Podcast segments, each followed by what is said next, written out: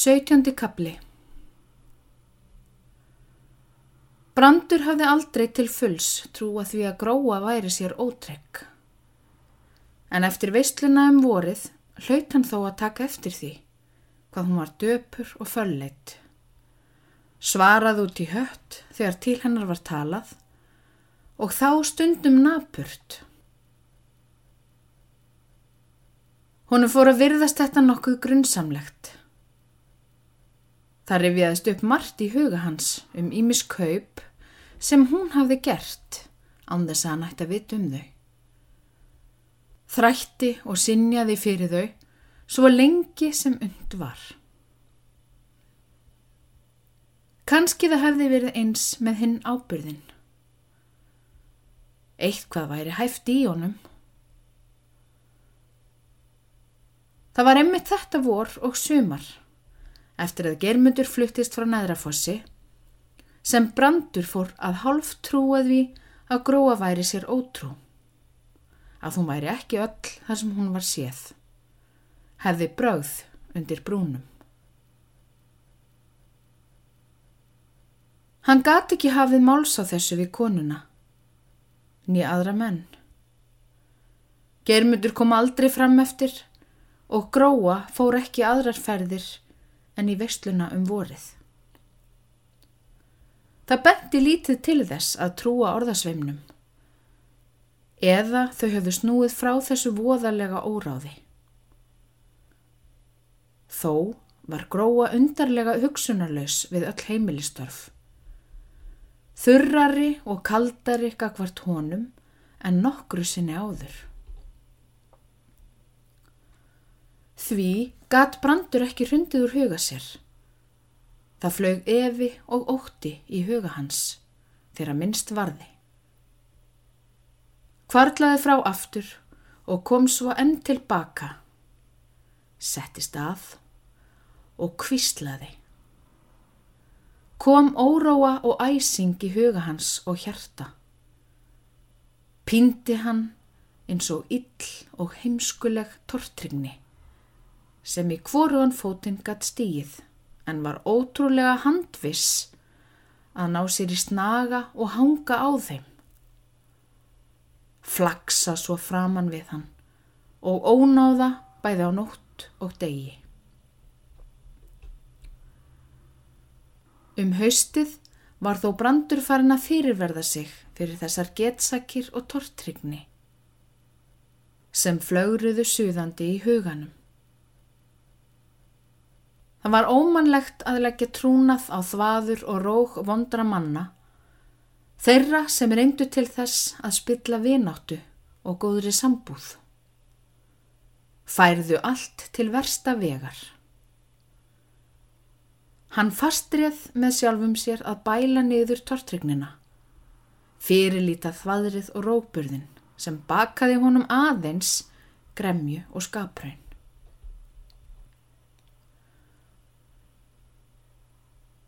Hjónin sváfu sitt í hvoru stafnrúmi í afþyljuðu húsi.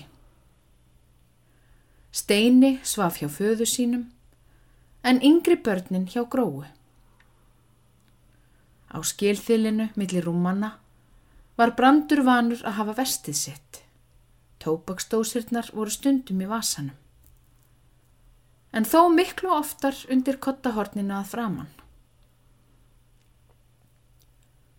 Brandur var, eins og flestir tópaksmenn, vanstiltur í skapi ef það var ekki við höndina þegar hann fýsti að fá sér tölu. Morgunin eftir fyrstu réttir svaf Brandur óvanalega lengi fram eftir. Hann hafði komið sent heim kvöldinu fyrir og verið kófdrukkin Piltarnir fóru að smala saman geldfjársafninu til rannsóknar og gróa reys í fyrra lægi og rekju til þess að veita þeim kaffið. Þegar brandur vaknaði reysan við olboga, þreyfaði undir sængurhornið við framstokk rekjunar. Dróð þar upp pelaglas, fullt með brennivín. Saup niður til miðs og fór svo að leita að dósunum. Undir kottanum voru þær ekki. Og í vestisvösunum var ekkert annað en tannstöngul og korktappi. Brandur fór að bylta til í rúminu og leita. En það var árangur slöst. Svo smegði hann sér í sokka og buksur. Leitaði fyrst í sínu rúmi og fann ekki. Þá fór hann að róta til í rúmi gróu. Reif upp undir sangina, rótaði til gæruskinninu sem var milli hennar og trésbónanna, fann ekki dósinnar, en fann þar nokkuð samt. Saman vafið bref. Bref til gróu. Brandur hafði forvitni á að vita frá hverjum það væri. Brefið var ekki langt og þó var hann lengi að lesa það. Stýrurnar voru naumast úr augunum. Stafirnir yðuðu, orðin stukku og línurnar dönsuðu. Það var enginn fyrða þó hann væri lengi að lesa þetta bref og vildi kynna sér vel efnið.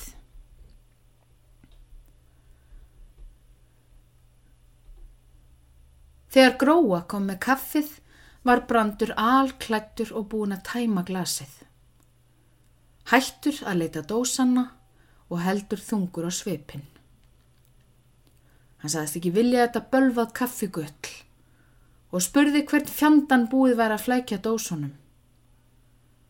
Um það gatt gróa ekkert sagt en brást strax við og fór að leita í rúminu sínu. Það er ekki þarna, ég er búin að leita þar, saði Brandur í höstum róm.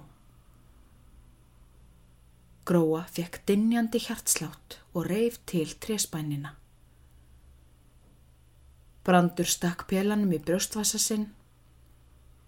Varð var um að eitthvað hart myndi í vasanum. Gætti eftir hvað það væri og þar komu dósinnar. Hann beita af enda tópaksins og skellti svo dósunum aftur. Að hver eftir að leita? Ég er búin að finna dósinnar. Það er gott. Hún held áfram að leita. Kanski þú sért að leita þessum skekli? Hann rétti brefið fast að andlitin á henni. Hún rétti snaglega úr sér og horfið til hans. Bæði voru dreir rauð. Varir gróu titruðu og nasáapið þandist út. Eitt eða tvö andartök, svo þreif hún í brefið. Nei, ekki strax. Hann kifti brefinu af henni. Ætlar þau samt að þræta? Þræta? Þræta fyrir hvað? Fyrir, fyrir að þú hafið haft framhjá, lagt lag þitt við germund. Aftur leit hún framann í hann, sömu augum og unglam porfur á hund sem hefur slengt því niður. Ég þrætti ekki, en það var ekki vonað vel færi. Ég var selt og kift eins og hross. Þú gast kift. Þú áttir auðin. Selt? Að þú hafi verið selt? Ert orðin bandvittlaus kona? Nei, ég er ekki vittlaus. Ég var sannarlega selt. Ég fekk að smakka á því fyrstu árin að þú áttir allt bæði búið og mig. Að ég átti ekkert var að engu frjáls. Þú hefur æfinlega kúað mig eins og þér hefur verið und og loksins stólist í þetta bref.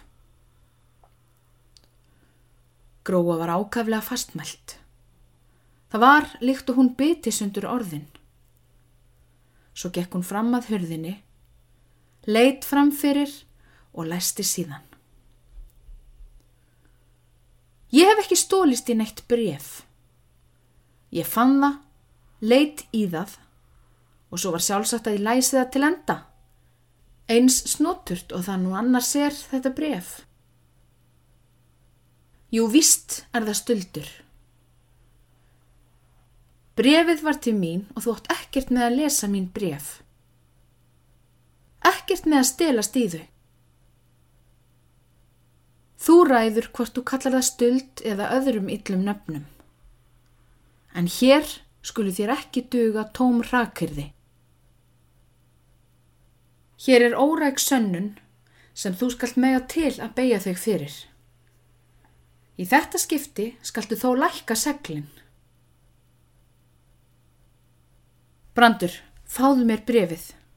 Þú hefur engan rétt til að halda því. Ég ber ekki á móti því sem var ofurlítinn tíma. En sladrið sem þú hefur byggt á er fyrir það mesta hauga lígi. Ég hef hrasað, en ég get svarið að allt milli okkar er nú slítið sundur. Mér hefur aldrei komið til hugar að yfirgefa þig. Og ég vona og óska eftir að sambúð okkar geti jafnast og batnað. Mér er það full alvara Ekki liggur nú á að fá þér brefið. Þú gast hyrta betur. Þér dugar engin frikja.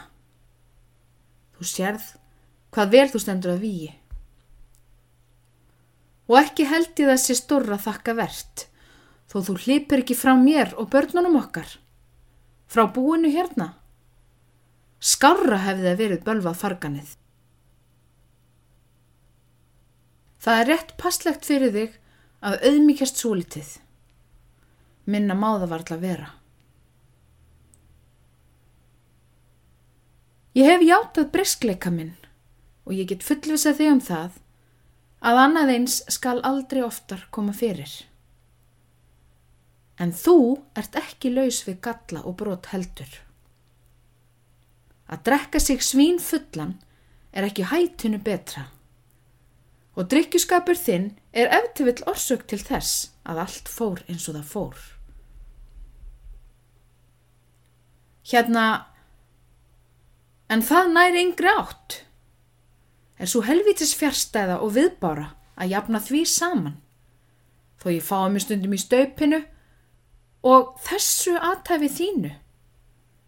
Það ditti engum í hug nema þér.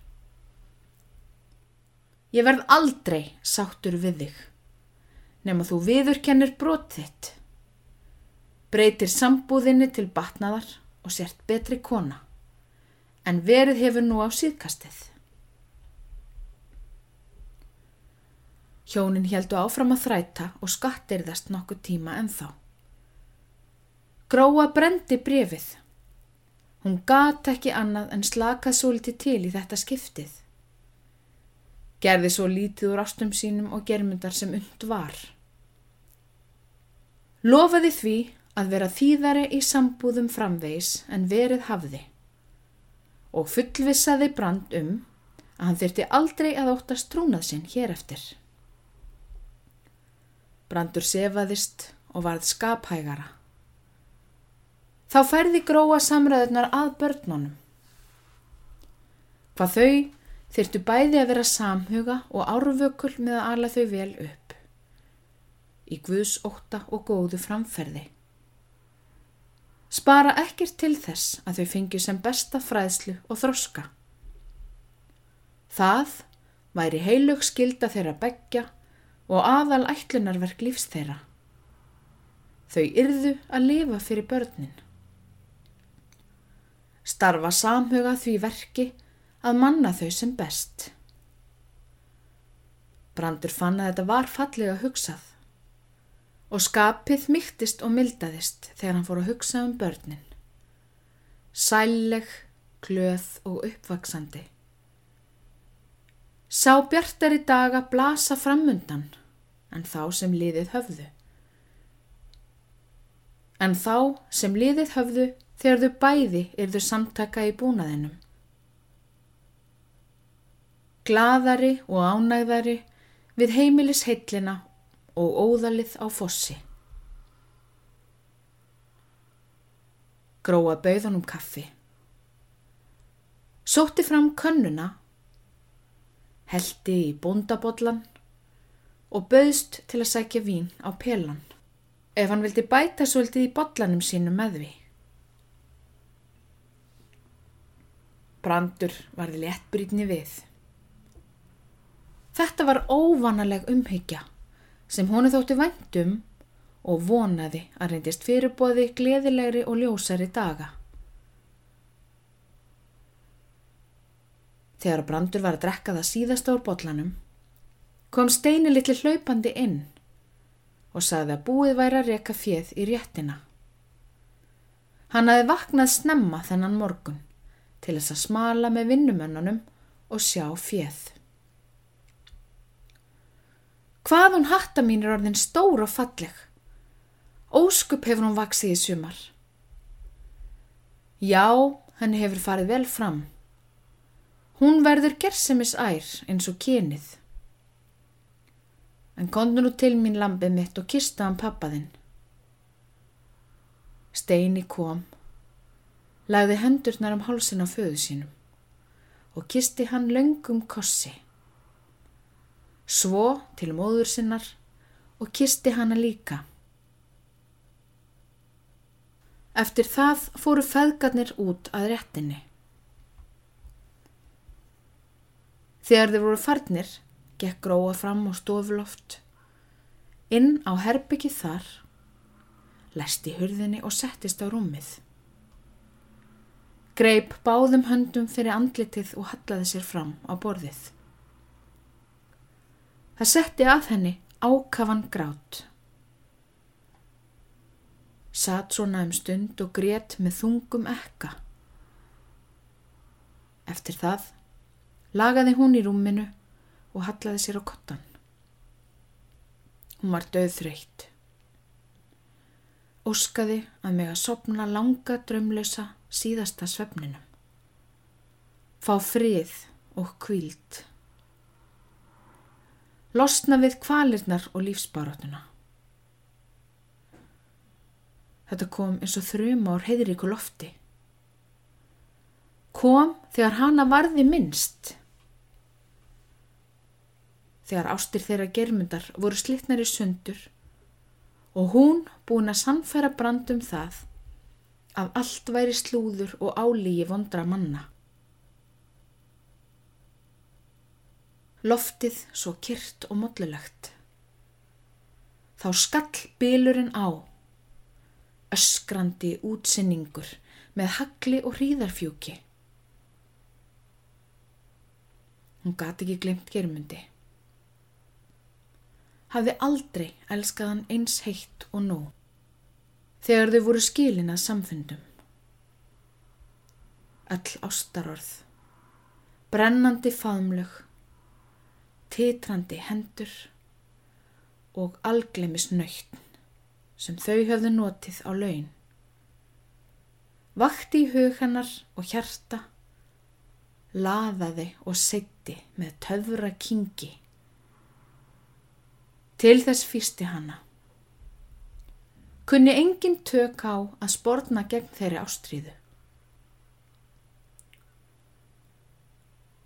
Fossbæirnir voru svo óttalega dimmir og dapurlegir síðan hann fór. Mennirni leiðir og ósjálegir. Það lagði ná kulda af brandi. Hann var svo umurlega ófríður og óskemtilegur. Og þennan kulda átti hún að þýða. Temja sjón sína og tilfinning svo að henni þætti hann ánægulegur.